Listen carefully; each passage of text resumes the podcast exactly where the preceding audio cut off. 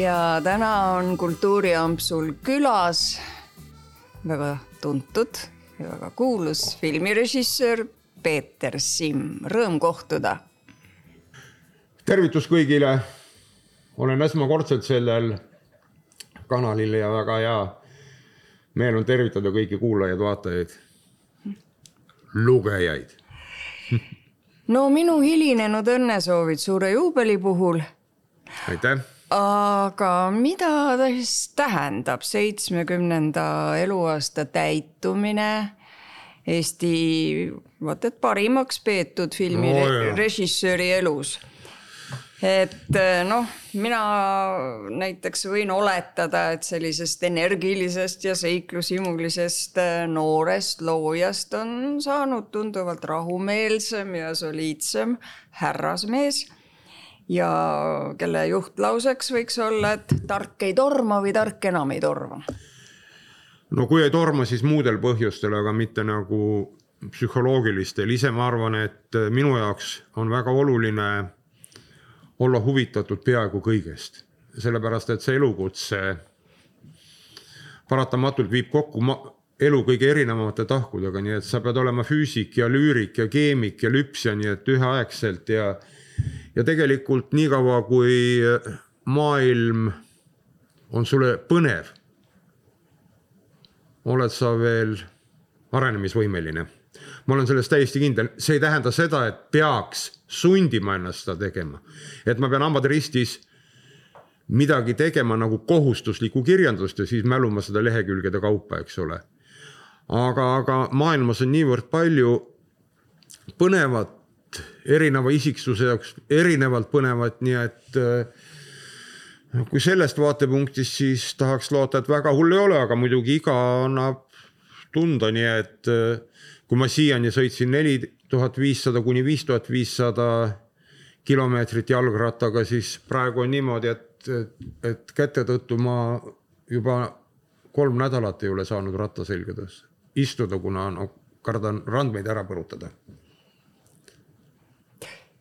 no loodame, et käed ka hakkavad jälle sõna kuulama, aga praegu siis lisaks õppejõutööle Balti Filmi ja Meediakoolis sa tegutsed ikkagi pisitasa filmimaailmas ka, et mis sul parasjagu teoksil on?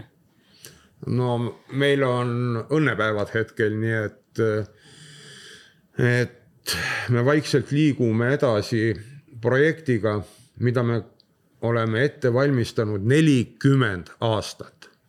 koos oma kursusekaaslase ja väga hea sõbra Hans Werner Honertiga ja tookaaslasega Moskvast me nii kaua oleme otsinud baltisakslasi puudutavat kirjanduslikku materjali ja ei leidnud ja läbi lugesime praktiliselt kõik, mis seda puudutas.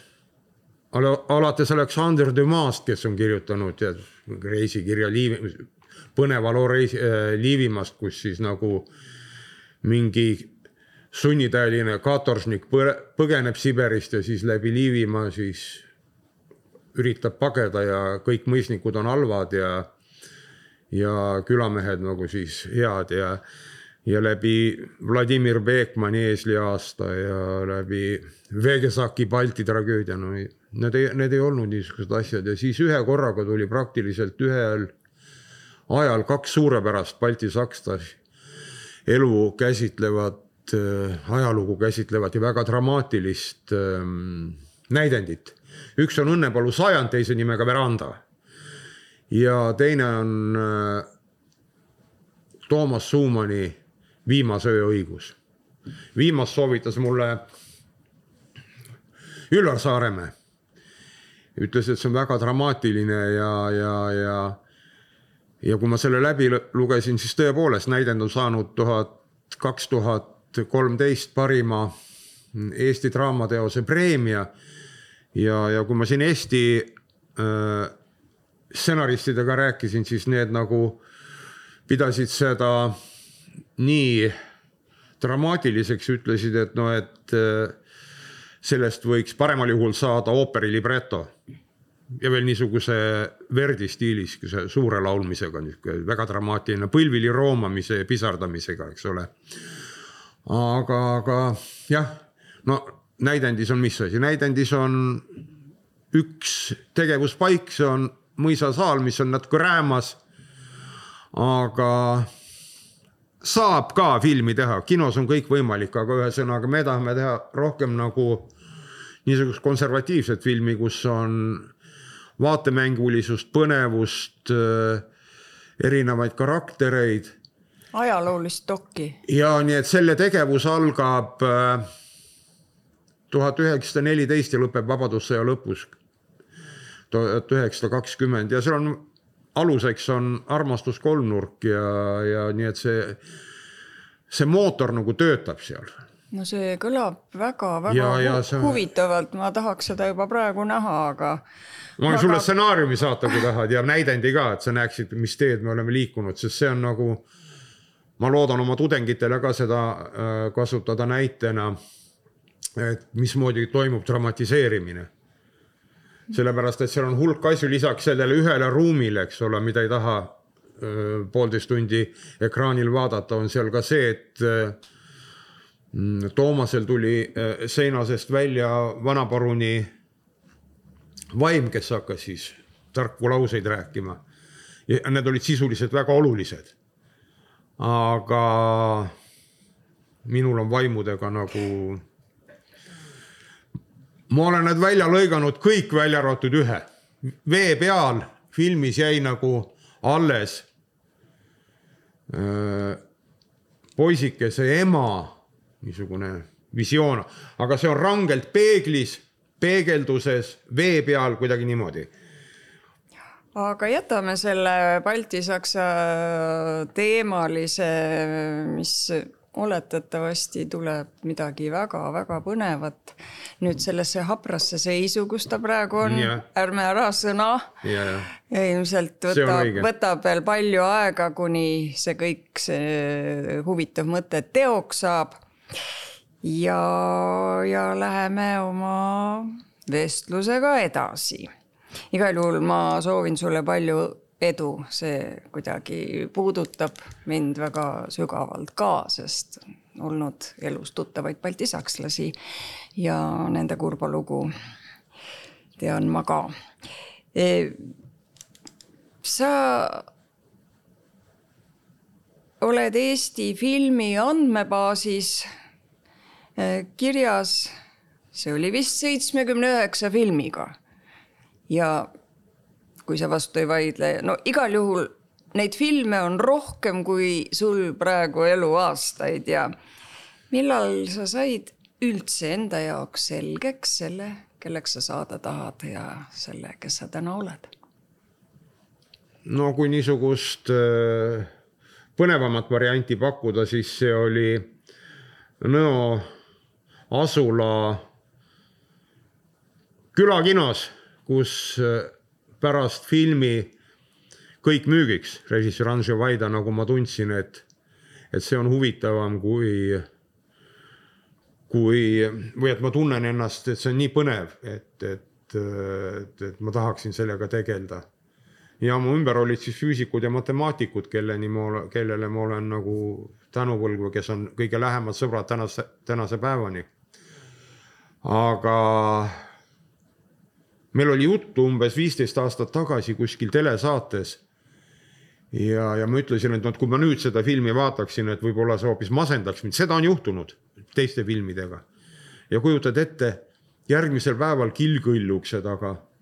kuller ütleb tere, ma olen poole sa-, Poola saatkonnast, et seal vaadati seda saadet ja saadeti teile see film ja siis ma võtsin mõned lähemad sõbrad kokku, hiljem ma näitasin seda tudengitele ja see film on selle aja jooksul paremaks läinud.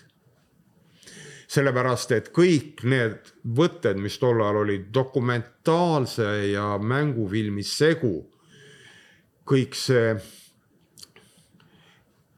autentsetel öö, isiksustel ja sündmustel põhinev lugu, see niimoodi elas, see oli täis niisugust elavat kino, et see on uskumatu, nii et ma usun, et see Äh, äh, sähvakas, mis ma siis sain, äh, oli päris oluline. aga see, et ma nagu selle elukutse juurde jõudsin, see on suur juhus ja see, et sa siin nimetasid, mis ei ole maailmas olemas parimat režissööri ja ei ole isegi Eestis, sellepärast et kui sa vaatad, siis viimaste aastakümnete või, või, või, või kasvõi alates Eesti kinost üldse, need on nii erinevad ja, ja kõik filmid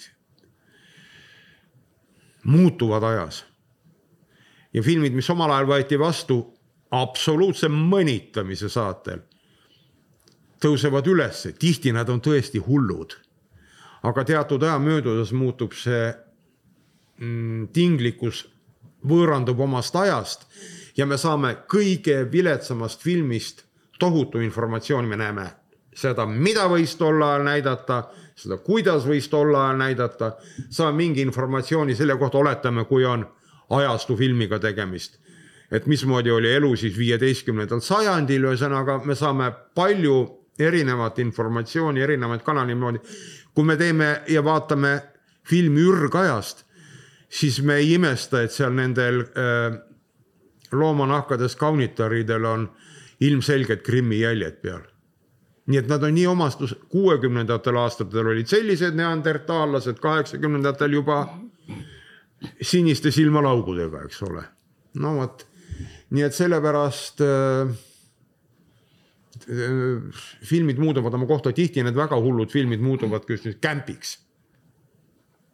on väga põnevad vaadata no nagu öeldud, sa oled Kiviõli poiss. milline su kodu oli, et kui palju sa sealt said seda, seda tuge ja võib-olla ka pisikest suunamist edasiseks?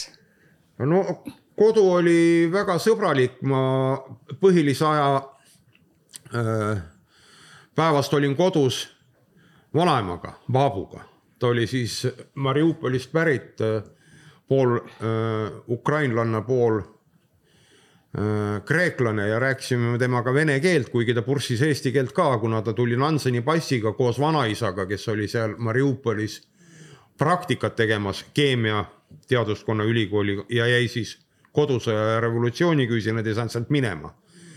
nii et enamus päevast olin temaga, sealt ma sain hea vene keele oskuse.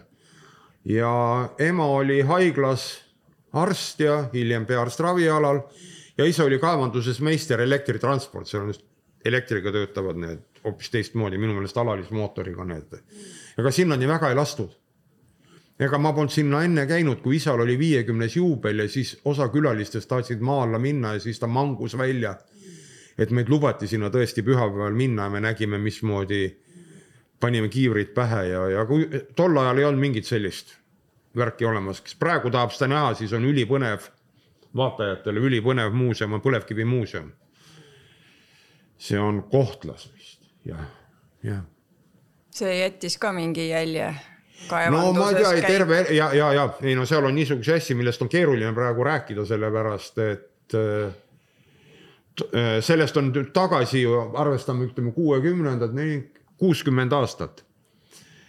ja kaevuritel oli ikkagi mingisugune oma professionaalne niisugune ühtehoidmistunne, mis oli pärit, ma ei tea, üheksateistkümnendast sajandist seal tead söekaevurite ajast. nii et kui kuskil äh, maailmas või Donbassis juhtus mingisugune õnnetus, siis koguti tõepoolest raha selleks, et neid inimesi aidata ja. ja, ja nad käisid üksteise juures ja need inimesed, kes tegid pööraselt rasket tööd. muidugi meie põlevkivikaevandus oli söekaevurite jaoks lihtsalt, nad nimetasid seda keldrikeseks. aga no kiviõli oli ju tekkinud, eks ole. ta oli noor linn Eestis on kolm kohe, kohanime, mis on väärt kahekümnendat sajandit, kivi, õli, küttejõu ja Hiiumaal viskoosa. ülejäänud on kõik varasemast ajast. nii et see kiviõli, see oli pärit sellest ajast, kui äh, Petrogradis esimese maailmasõja ajal ja sellele järgnenud segaduses oli kohutav kütte ja ka toidupuudus, eks ole. ja siis hakati kaevandama põlevkivi lihtsal meetodil, viidi, lihtsalt põletati ahjus ära, nii et kiviõlis kööti ahju ka põlevkiviga. nii et Paabul oli tegemist, et seda põlema saada, sellepärast isa tegi juba nagu enne seal valmis, et sinna pidi alla puud panema ja, ja kõik see pidi puudega segamini olema, kõik see tahmas täis raha eest.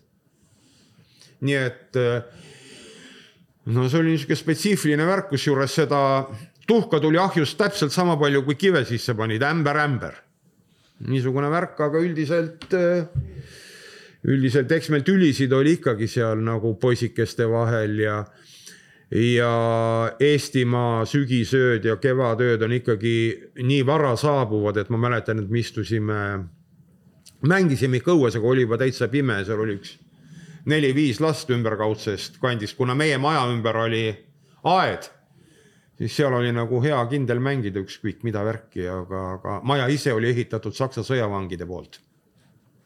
nii et tegelikult äh, kuidagi kild killu haaval kogunes äh, sinusse seda materjali, mis äh, tulevaseks eluks ja tulevaseks elu kutseks nagu vormis sind, eks ole, et see lapsepõlv ja kaevandus ja need mängud ja ja, ja, ja, see kõik äh, on sinust teinud sinu. no viieteistaastaselt lahkusid sa kodust, eks ole, on sinu eluloos kirjas, sest et tahtsid minna kuulsasse Nõo keskkooli füüsikakallakuga klassi. ja no millist rolli see otsus sinu edasises elus mängis? no väga olulist rolli on lihtne vastus, sellepärast et äh, need aastad on just see, kui isiksus nagu vormi, vormistub, see, mis oli enne seda, see on vanemate ka veel teadvusele eelnenud, ühesõnaga hoolitsuse eest, mis lapsel on ja siis see maailm, kus lähed ja, ja ja koolid on mõlemad olnud väga head, Kiviõli esimene keskkool, me käisime ala lõpmata Tallinnas teatris ja, ja, ja ja Nõos rääkimata sellest, et seal ei olnud seda füüsikute vastandamist lüürikutele seal kohe esimeses tunnis tehti selleks, et on olemas ühtne kultuur. ja olge palun huvitatud kõigest ja, ja pärast ma olin see veel niisugune kultuuriorganisaator, nii et ma tegelesingi nagu sellega, et nii kool kui klass nagu võimalikult palju käiksid vähemalt Vanemuises, aga kellel siis rohkem huvi on, siis ka ülikooli aulas kontserditel. see on väga-väga oluline, see mitte ja. vastandamine, vaid ja. ühtsena nägemine. jah, jah seda nagu meil ei olnud, see oli nagu rõhutatult öeldi, et seda pole olemas, nii et seal olid väga head õppe, õpetajad, väga hea direktor Kalju Aivro, legendaarne, kes need inimesed kokku korjas, kelles oli pöörane idee teha väiksesse asulasse, kus oli mingi algkool olemas, eks ole, kus kõik talle haridusministeeriumist ütlesid, et siinsamas on üksteist kilomeetrit Elva, seal on kõik koolid olemas siinsamas on Tartu natuke rohkem põhja poole sõita, mida värki siia teha. aga siiski tal õnnestus see kool sinna teha, seal oli siis midagi interle-, internaadid, värgid.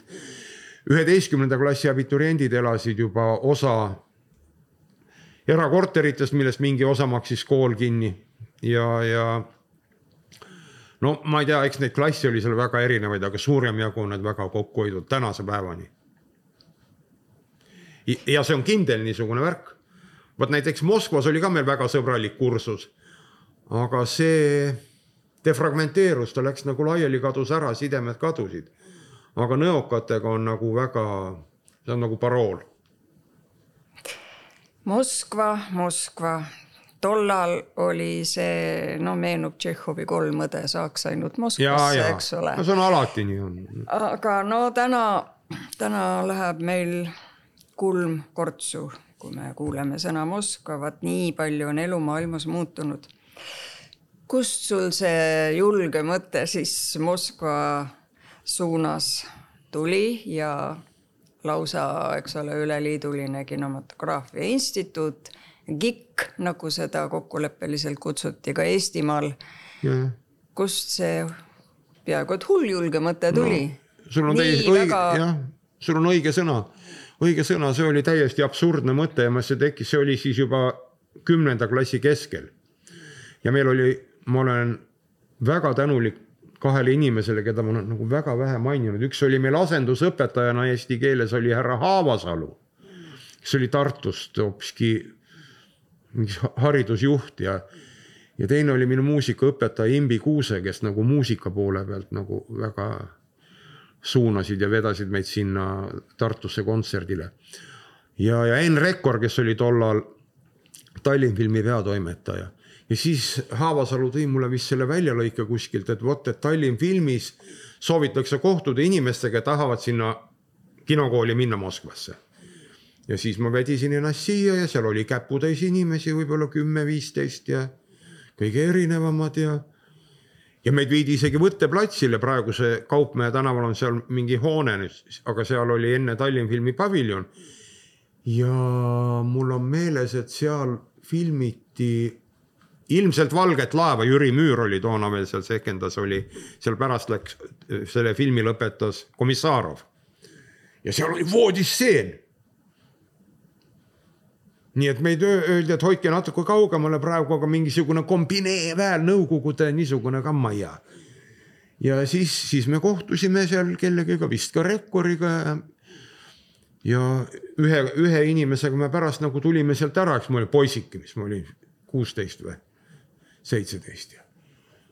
ja siis tema ütles, ei tema sellega, tema oli kinomehaanik ja ta arvas, et filmi režissöör on see, et kui ta kinomehaaniku erialale veel nagu natukene juurde õpib. ja siis ta lõi käega, kui ta kuulis, et seal konkurss on üks kahesaja kahekümnele ja, ja kõik need hirmujõudlused lood, aga mind nagu härra Haavasalu ja need nagu Rekkor ja turgutasid ja. ja juba üheteistkümnendas klassis ma kirjutasin mingeid lugusid Rekkorile. ja siis hiljem on välja tulnud, ema on tunnistanud, et nemad käisid koos isaga Rekkori käest küsimas, et kas seal on üldse mingit mõtet või mis, mis värk see on, eks ole. ja Rekkor oli öelnud jah, jah, et on. aga see on niisugune kakskümmend aastat hiljem välja tulnud öö, saladus. aga siis öö, inimesed aitasid mul, needsamad õpetajad selle vene keelde panna ja, ja siis need kõik asjad ära saata ja siis ma olingi lõppude lõpuks kaheksateistaastasena seal sisseastumiseksamitel nagu idioot.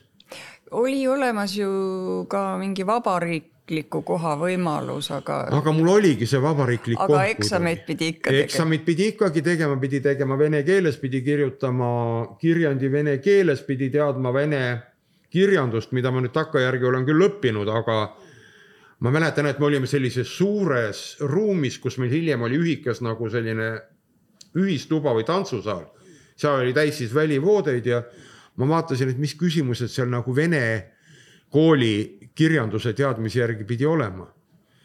ja siis äh, ma vaatan, et äh, laul kaupmees Kalašnikovist, Aleksander Puškin.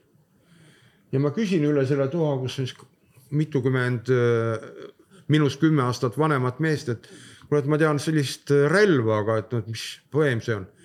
see ütleb, sa ei tea, et see on Puškinis siis see ja see ja see. ei tea, kuule, pole kuulnud ka. ja tead, ta rääkis mulle selle umbes kahe minuti jooksul ära, mis selle Kalašnikovi faabula on. ja ma tõmbasin selle pileti järgmisel päeval no.. nii et ma ladusin selle, mis ta mulle eelmisel õhtul pimedas toas oli rääkinud seal välja, jälle vedas, aga üldiselt ma olin täielik naerualune sisseastumiseksamite ajal ma olin naljanumber. no heas mõttes. kõige naljakamas mõttes, sellepärast et pärast pool kursust tegid etüüde sellest, kuidas eestlane käib ja kui talle keegi vastu tuleb, tervitus, tervitus. kuidas läheb, noh, pole viga, mis hinded sul on siis, kolm kahte. ja oligi nii. mul oli esimene see erialane oli svai kaks. järgmine, mis oli siis kirjalik. Ja siis oli kolmas, kuhu mind lasti edasi tänu sellele, et mul oli see vabariiklik koht. ja selle ma sain viie. ja mille pärast, seepärast jälle, et ma olin nii lapsik ja loll. oot, mis see, mille eest sa viie said?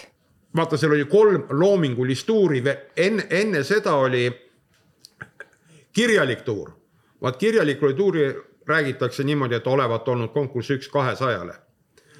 aga pärast oli siis juba nagu see kohalesõitmisega värk. seal oli loomulikult vähem, see oli võib-olla üks kahekümnene või niimoodi ja, ja seal siis olid need loomingulised tuurid, mis ma ütlesin, esimene oli nagu mingi jälle niisugune näitlemisharjutus, mis näitleja mul tänase päevani nii armetu, et ma olen nii armetu, et nad pidasid mind geniaalseks mõni. mina ja soomlane Raimo Olaviniemi, no tema oli väga orgaaniline ja väga hea ja veel mongol Suren, väga hea sõber. Nemad olid geniaalsed näitlejad, aga mina olin nii halb, et nad arvasid, et, et peabki nii olema.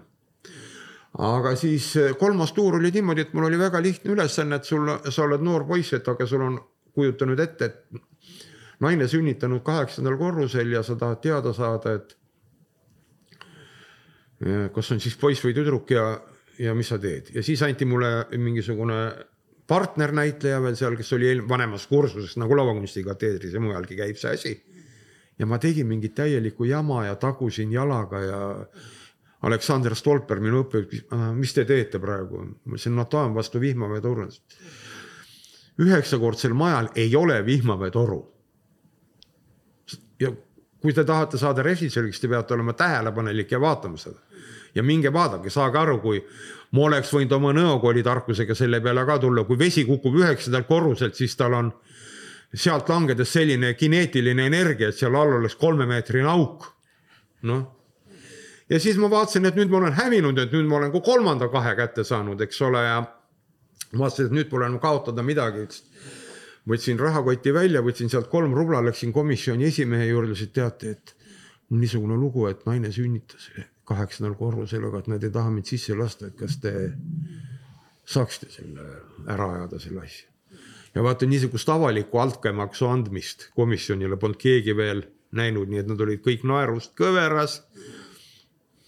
ma hakkasin uksest välja minema, siis karjusid, võta oma kolm rubla ka tead noh, ja siis Olid... edasi olid juba sellised lihtsamad eksamid, tead, otseselt erialased, need nagu, kui sa seal olid viie saanud, neid oli vähe. Siis, siis olid noh, siis oli, oli see võimalik seda enam, mul oli veel see vabariiklik koht ka kuidagi. aga see ei tähenda, et see, et ma oleks mingi võitja või, ei, esimene poolaasta ma olin täielik heidik, täielik invaliid grupis, sest no ma olin kõige noorem ilma igasuguste elukogemusteta, teised olid näitlejad, insenerid, kes mis ja, ja, ja siis, siis äh, juhtus ka üks määrava tähtsusega nagu asi, mis nagu ka oluliselt määras, see oli just esimese semestri, semester oli tol ajal niimoodi, et ta lõppes uueks aastaks ära. ja siis pidi olema eksam, ma ei tea, niisugune väga hea lugu, aga, aga võib-olla liiga pikk sinu formaadi jaoks aga kolme sõnaga? kolme sõnaga, et see, et homme on eksam ja minul ei ole mitte midagi näidata, eksamile tulevad Gerassimovid, kõik Lenini preemia laureaadid, värgid istuvad reas ja annavad ja mul ei ole mitte midagi. aga miks sul ei olnud? sellepärast, et, et ma ei saanud pidet, ma olin mingeid etüüde teinud ja siis assistendid, kes oli Stolperil, no pole midagi teha.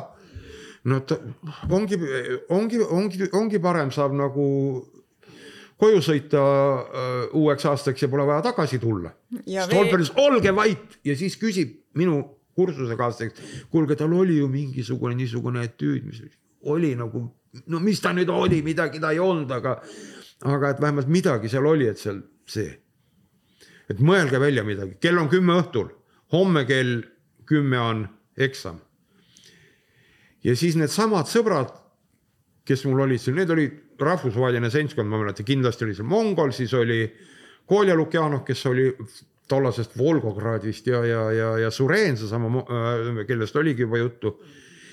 ja mis jääb mulle eluks ajaks meelde, see on häbi, segu häbist ja mingisugusest sel-, illuminatsioonist nagu, selgeks saamisest. me läksime mööda pikka tänavat, seal olid laternad ja nemad kolme-neljakesi lähevad seal ees, arutavad, vehivad kätega, räägivad. ja mina käin neist kakskümmend sammu tagapool, tead miks? Pisarad voolavad. Need vennad lähevad seal ees ja mõtlevad välja minu etüüdi, mida homme näidata.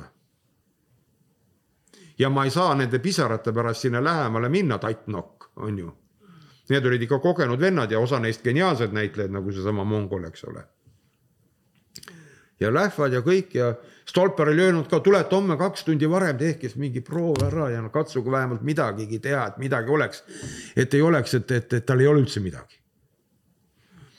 ja siis nad veel seal ühiselamus midagi mõtlesid välja nagu ja siis me olime tõesti kaks tundi varem kohal ja siis ma olin juba nii palju kõva mees ka, et äh, ma tahan, noh nüüd oli šokk nagu üle, et nüüd ma ütlesin ka, et kuule, teeme nii, nii, nii, nii, nii, mängisin lavastajat. Ise ma mängisin ka seal, ma mäletan, mul on foto, kus mul on hommikumantel seljas. ja siis juhtus see ime, et me näitasime selle, no nagu on need näitamised nagu see on see Kitise traditsioon on see prosmooter, seal siis istuvad kõik väärikad õppejõud, vaadatakse kõik ära.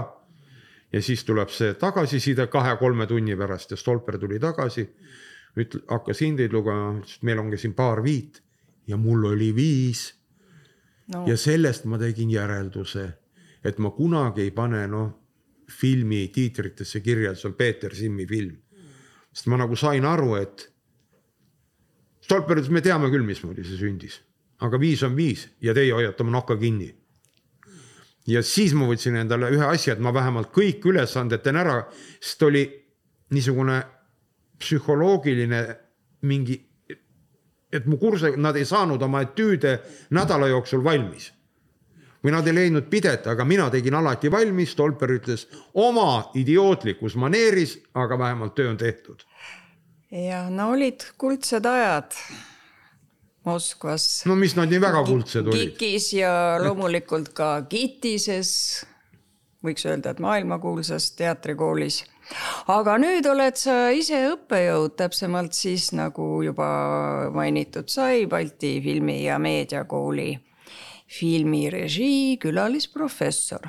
kuule, see oli, seal muutuvad meie ametinimed, nii et ma hetkel olen lihtsalt avastajate õppejõud ja ma ei tea, seal on dotsent või midagi niimoodi olin jah külalisprofessor. nii, no väga uhke, aga ega praeguselgi ametinimetusel üldse häda pole, aga kuivõrd sa tunnetad siis eh, nüüdsete tudengite hulgas eh, tulevasi meistreid ja, ja võib ka nii küsida, et kas on neid, kelle puhul ütleme, see särav talent paistabki kaugele ära või, või võtad hoopis rahulikult, et noh, kui ei paista, et andkem aega, küll inimene avaneb ja nii edasi või siiski juba näed, ahaa, sealt tuleb. no mingi valiku peab tegema sisseastumiseksamitel ja, ja, ja põhimõtteliselt ka meil on sellised äh, voorud. ja minu meelest on nad meil märksa paremini tehtud, kui seal KIK-is olid.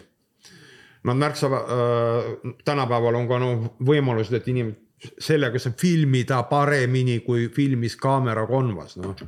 No, no.. kuulaja pilti ei näe, millega sellega, mis sa näitasid, mobiiltelefoni? ma näitasin mobiiltelefoni, mobiiltelefoni pilt on parem kui, kui äh, kuuekümnendate, seitsmekümnendate aastate niisuguse kroonika filmikaamera oma.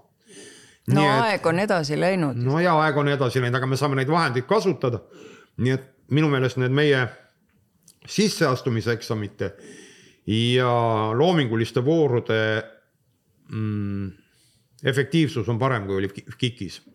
ma ei tea, mis seal praegu on. aga esmapilgul jah, saab öelda, mingil moel saab potentsiaali nagu näha, mingil mo moel. meil ei ole üks inimene, kes otsustab, meil on ikkagi seal vanemate kursuste tudengid ja, ja paar mm, komisjoni liiget, kes seda teevad.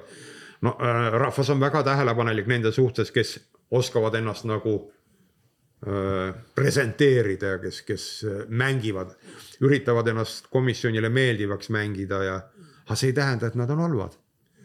Ja on inimesi, kes on vaiksed ja kes ütleb paar-kolm sõna, näitab ühe pildi ja ka on selge nii et mingil moel, ma ei hakka protsentidest rääkima, aga mingil moel on äh, potentsiaal nähtav päris alguses. aga teiselt poolt on ka suur hulk filmitegijaid, kes sisseastumise juures tead, nad, nad ei räägi palju. Nad, nad on vaiksemad, nad on teistmoodi, nad ei räägi palju ka võtteplatsil, erinevaid režissööre on Woody Allen teeb viimases hädas näitlejatele märkuse. ta ütleb, las teevad siis need oma duublid ära ja harilikult nad teevad õigesti. kui lugu lihtsalt rappa läheb süžee seisukohalt, no siis ta ütleb, kuule, et nii ei saa teha, sest et et see lugu peab edasi minema hoopis selles suunas, no siis on selge. aga vanasõna, esimesed heidetakse, tabu, tagumised tapetakse, keskmised koju tulevad. ma ei tea, kas see kinos kehtib. suures osas täpselt vastupidi. sellepärast, et nendest täiesti varjatud andega inimestest, neist võib vaikselt midagi tulla, tulla suur üllatus.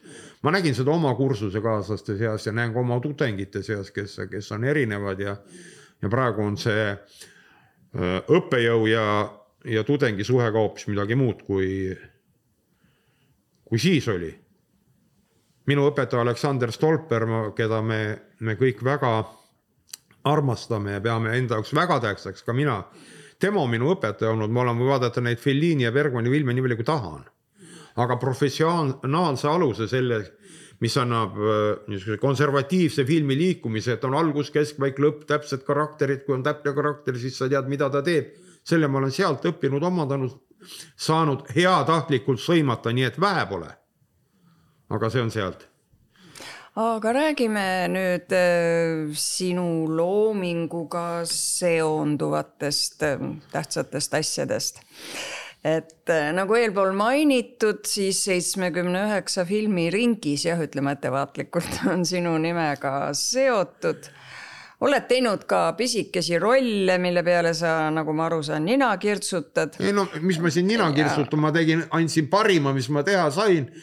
ja see parim oli lihtsalt kuidagimoodi ära mängida ja, ja, ja ma mõnes kohas sain nagu ise ka aru, et ja ma andsin poole tekstist ära näiteks Jõulud Vigalas, kus Urbla mängis Teemanti ja mina mängisin Pätsi ja ma lihtsalt ei saanud räägitud. jah, aga minu küsimuse juurde tagasi, et äh, lisaks pisikestele rollidele oled teinud dokumentaali, filmikroonikat aga noh, ühesõnaga nagu mängufilm on ikkagi selles. no ma olen teatris ka lavastanud. teater ka, väga õige mängufilm on. see on kõige üks... raskem minu jaoks, kõige hullem. aga mängufilm on atraktiivne, eks ole no,, üks atraktiivsemaid jah. asju, nii no ma ei hakka siin kõiki filme üles lugema, piisab Arabellast, Ideaalmaastikust, Puud olid, Tants aurukatla ümber, Head käed, Georg vee peal karikakramäng üsna algusjärgus, eks yeah. ole. Erinevatel aegadel sündinud siis hitid, aga lisaks heale režissöörile määravad filmi saatusega head näitlejad. kas nüüd võib öelda, et see näitlejate valimine on mõnikord olnud selline paras nõiakunst? eks see on ikka olnud paras loterii. mul on olnud raskusi ja ma kindlasti ütlen, et, et, et mul on olnud õnn äh, sattuda äh, huvitavate näitlejate peale, kes on edasi läinud. ja võib-olla näi-, töös näitlejaga edaspidi, kui ta on juba rolli kinni, kinnitatud, siis ma lähtun tema andest, ma vaatan, kuhu ta saab teda suunata, et see, mis temas endas olemas on ja see, mismoodi ta ise seda teha tahab. ja selles on võib-olla, võib-olla vedamine, aga aga mis oli tõeline vedamine, oli see, et me näiteks Vee peal filmis ei saanud äh, rahastust. ja meil lükkus kogu asi aasta võrra edasi ja poiss, kes pidi meil mängima peaosa, sai aasta vanemaks. ja meil ei jäänud ja nii palju suureks, et ta ei sobinud enam sinna. me andsime talle teise rolli filmis ja siis tuli meil äh, Rasmus Ermel ühesõnaga ja, ja vaat meil oleks filmi ülesehitus oleks hoopis teine olnud. tolle poisiga ma oleks teinud, et oleks niisugune imeilus elav tüdruk, keda mängis Aurora künnapas. ja niisugune poiss, kes on tõrjutud, kes ei ärata esimesel silm, silmamilgul erilist empaatiat ja kes filmi lõpuks peaks muutuma vaatajale lähedaks. see on teine kontseptsioon. aga kui me vahetasime selle vastu mm, Rasmuse vastu siis seal oli selge, et me läheme teist teed pidi, et see poiss kohe esimesest hetkest peale nagu võidab vaataja usalduse ja see filmi liikumine, mil, mis oli esimesel variandil, see nagu jääb ära, tuleb teistele asjadele üles ehitada, tuleb täpsele, väga täpsele olustikule ja, ja väga täpsetele inimsuhetele ja need inimsuhted ei pea olema tavalised, need on grotesksed tagahoovis korki põhjas. Kurasova trammikolina saatel, need on ühesõnaga inimesed, kes on valinud endale hulkuri piiril oleva elektri varastamisega, üüri maksmata jätmisega, öise viinamüügiga sellise toreda, rõõmsa maailma aga oled sa vahel kahetsenud, et saatsid tegelikult ikka õige inimese uksest välja näitlejate valimise protsessis? Või oled sa alati väga täkkesse pannud? ma pean tunnistama, et esimest korda jään mõttesse selle küsimuse üle. ma ei saa sulle selle praegu vastata, sest see vajab natuke mõtlemisaega. lavastaja läheb edasi seda teed, mis on valitud. aga see tee, mis on planeeritud ja see, mis teed, mis pidi see läheb, see ei ole üks ja sama. see on paha näide, aga ma olen alati ka tudengitele toonud selle, et see meenutab väejuhi planeerimist, et sa planeerid selle lahingu nii ja nii. ja nii kui esimene pauk on käinud, läheb kõik teistmoodi. aga see, sa pead seda plaani oskama muuta, nii et äh, kui ma olen kellegi välja jätnud, siis, siis, siis raskete valikute tulemusena, aga, aga mõnel juhul on see isegi tagasi tulnud niimoodi, et kui on kaks näitlejat ühe rolli peale, siis äh, filmi lõppvariandis teine näitleja on andnud öö, oma hääle sellele rollile. nii juhtus Arabellaga, nii juhtus inimene, keda polnud, peaosalisega. nii et tema hääl sobis, aga ta ise mitte. jah, jah, jah. kas äh,, milline režissöör sa oled võtteplatsil? Despootlik või pigem avatud ühistele aruteludele? no filmi äh, stsenaariumiga lavastusprojekti töötamise faasis ja, ja stsenaristiga töötamise faasis on niisugune aeg, mida võib öelda jah-ajaks. ja inimesed on kõik yes-man'id, see tähendab seda, et, et, et arutad stsenaariumi käiku mingisuguseid karakteri ja sa ei ütle oma partneritele, oma grupikaaslastele, keegi ei ütle sõna ei talle ei või, ei pruugi see meeldida, paneb selle kirja. ja võib-olla see järgmisel hommikul tundub talle geniaalne, kuna ta on aru saanud mingisugusest sellisest keerulisest käigust, mis selle välja võib tuua. aga siis äh, ma ei arva, et ma nüüd despoot olen, sest ma olen ühe inimese vallandanud. Ja sellepärast, et ta tõi meile tuletõrje me tegime dokumentaalfilme tuletõrjujatest ja palusime, et ta tooks meile kirsasaapad, et me saaksime nende süte ja vee sees sorbeldada, ta tõi mulle kolm numbrit väiksemat ja kui ma ütlesin, et kuule, too kolm numbrit suuremat, siis ta hakkas minuga õiendama. ja siis ma ütlesin, head aega. no see oli, see oli asja eest, aga kui mõelda nüüd seda õhkkonda, mis võtete ajal valitseb, no räägitakse, et äh, kuulus Vene filmirežissöör Gaidai, noh, kes ei teaks, briljant kätt, eks ole. et kui seal näitlejad, näitlejad olid seal ka parajad tegelased, Nikulin, Mironov, Babanov, eks ole, räägitakse, et kui näitlejad seal natukene nalja tegid ja teised naersid, siis ta oli käratanud, et naerab vaataja saalis, mitte teie siin see oli ühesõnaga punkt üks ja punkt kaks oli see, et ta võttis stopperiga aega, kui kaua nali võib kesta no,. ja sekund üle, siis ja. juba ja. eks ole, mitte ja, ja oma loomingut, kui näitleja hakkas välja pakkuma variante, siis äh, ta ütles, et väga kena, aitäh, aga me teeme nii, nagu mina meil ütlen. meil on niimoodi, et eriti nüüd, kui ma elus esimest korda tegin mängufilmi ja meil oli kasutada kaks kaheksa K digitaalset kaamerat, siis ma nautisin seda. ma nautisin seda, et me saime teha kõik näitlejate paku-, paki- äh,, pakutud variandid ära. ma nautisin seda, et me saime teha näitlejatele keerulised või siis ütleme lausa välja ohtlikud stseenid mitme kaameraga korraga ja ühe duubliga. nii et äh, ei, meil on nagu see, et kõik on seda Yes Mani faasi ma nagu üritan võtteplatsile ka tuua ja meil on vahetult võttepäeva alguses, me käime operaatoriga nagu läbi, olgu see kasvõi oli see Arvo Iho või, või Ago Ruus või, või Manfred Vainokivi. Ja, ja igaüks veel vaatab selle maailma oma pilguga üle, et oot, mida siin on. Ja, ja me oleme tihti jõudnud äh, äh äratundmisele, et teeme mõlemad variandid, filmime mõlemad kaadrid mõlemas kohas, mõlemad versioonid teeme ära. ja siis pärast valime, mis ekraanil parem on. ja meil on filmis sees kohti, kus on mõlemad variandid sees.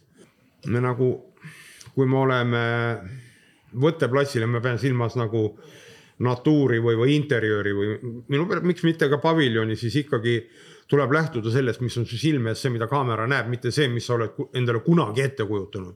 tuleb osata asjad ümber mängida, misantseen tuleb osata ümber mängida. kui tuleb platsil keegi inimene pakub, et, et, et, et operaator näiteks, et teeme selle kaadri, filmime hoopis teistpidi, siis, siis tuleb ka see variant nagu läbi katsetada, aga, aga kaadris peab olema elu ja seda tuleb äh, üritada tagada iga hinnaga. ja ongi nii lihtne see ongi. nii et päris despoot sa ei ole, pigem, pigem aruteludele ja, ja, avatud. vaata see e atmosfäär filmigrupis, see tegelikult on ekraanil näha tegelikult see, mis olid nende inimeste suhted, näitlejate, operaatori see soojus või vastupidi, jahedus, mis, mis, mis nende vahel valitses, see on ekraanil näha. ma olen ise osalenud näitlejana oma kursusekaaslase mängufilmis Sherlock Holmesis, kust operaator ja lavastaja omavahel ei suhelnud. Nad no. Äh, rääkisid nagu läbi assistendi mm. -hmm. et küsige palun Nikolai Vladimirovitši käest seda või teist, ma olin seal tantsija kuidas see juhtus?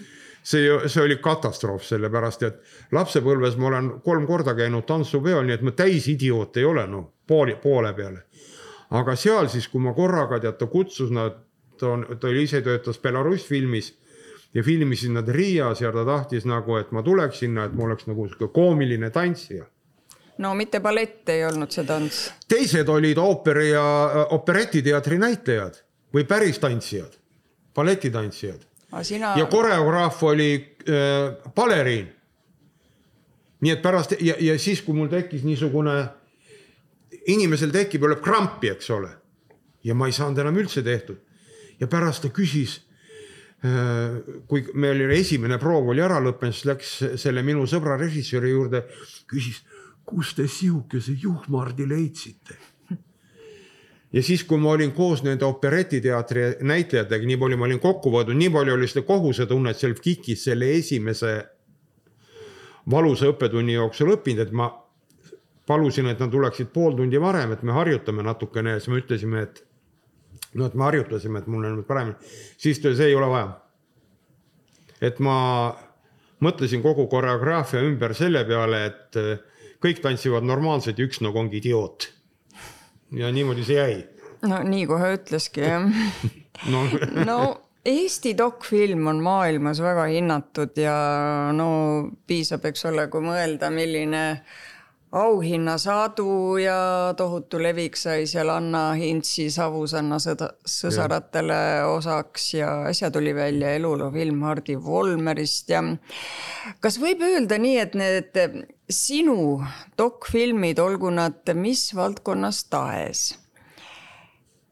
eh, kas nad kannavad endas ühte absoluutselt ühist sõnumit, mille nimel sa neid teed ja mil, mida sa tahad maailmale öelda?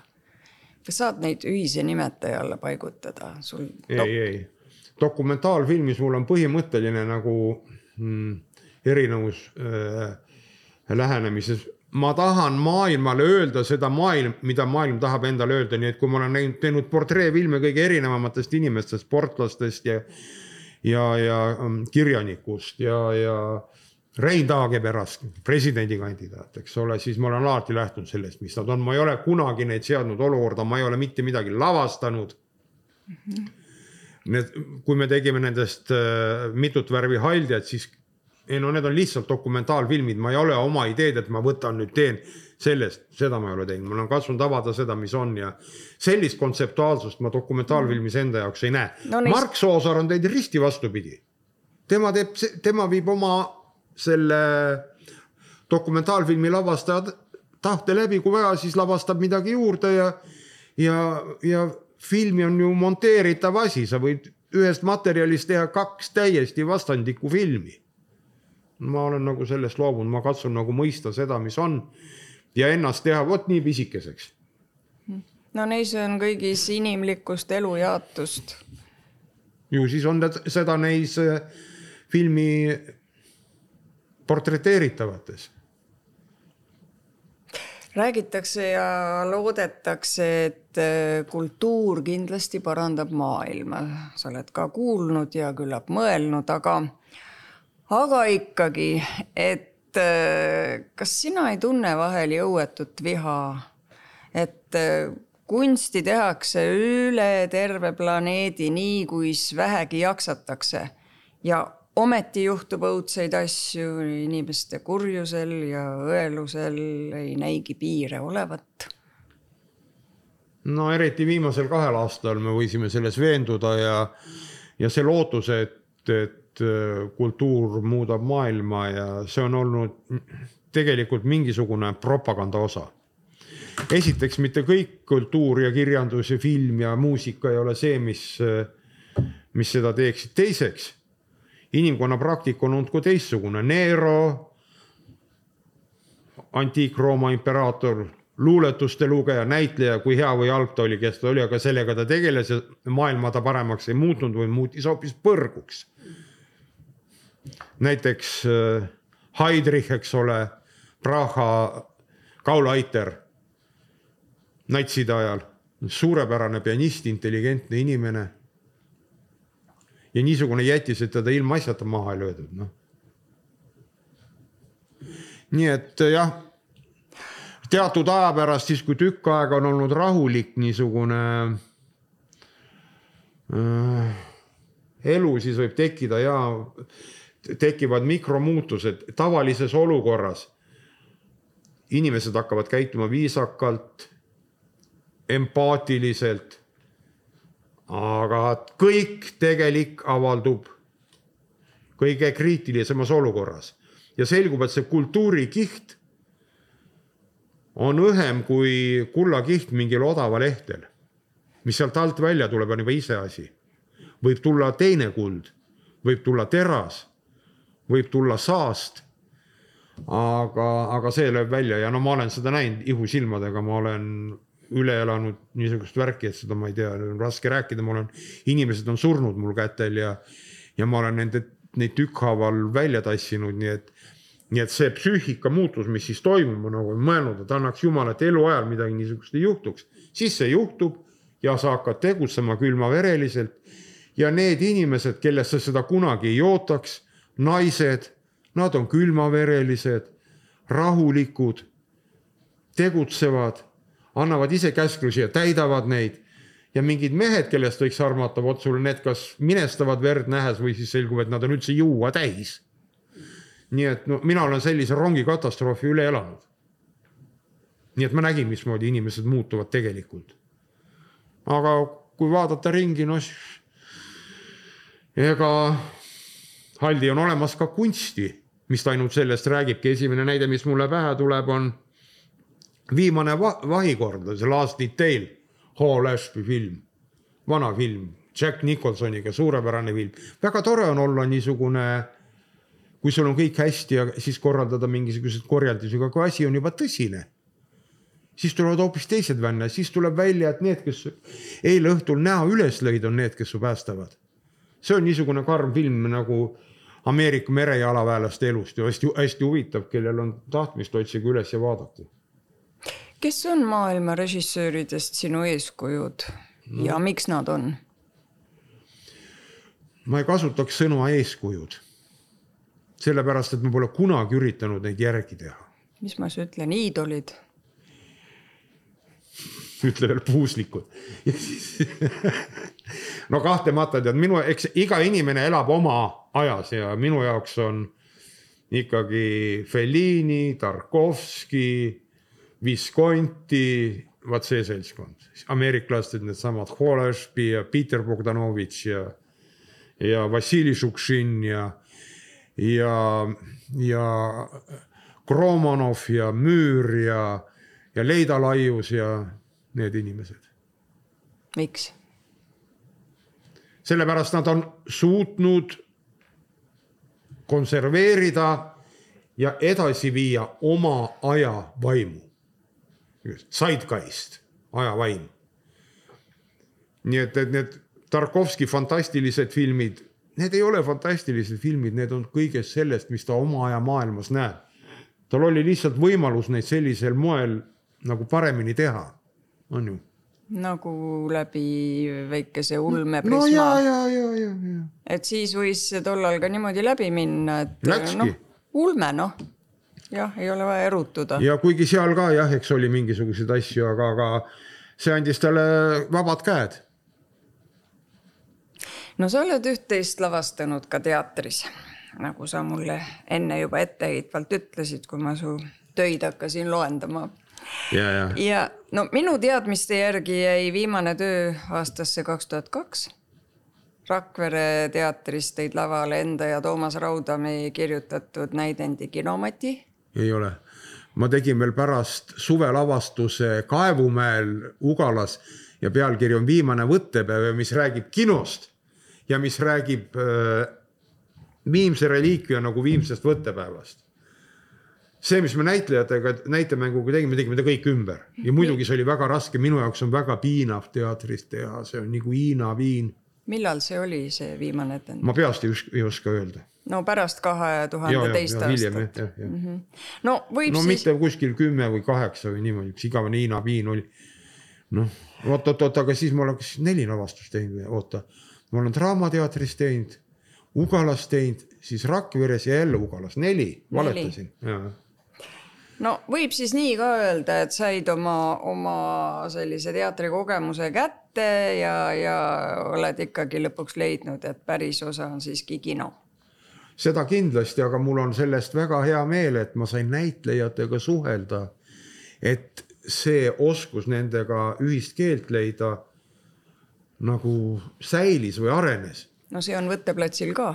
see on võtteplatsil ka aga võtteplatsil olen ma absoluutne keiser. aga kui ma lähen Ugalasse või Rakvere, siis nad küsivad, oot-oot, mis see Läti parim režissöör siia nüüd otsis, miks ta filmi just ei tee, miks ta siia tuli? miks Läti? miks Läti, seepärast ma olen kaks korda olnud Läti parim režissöör ja ükskord parim stsenarist.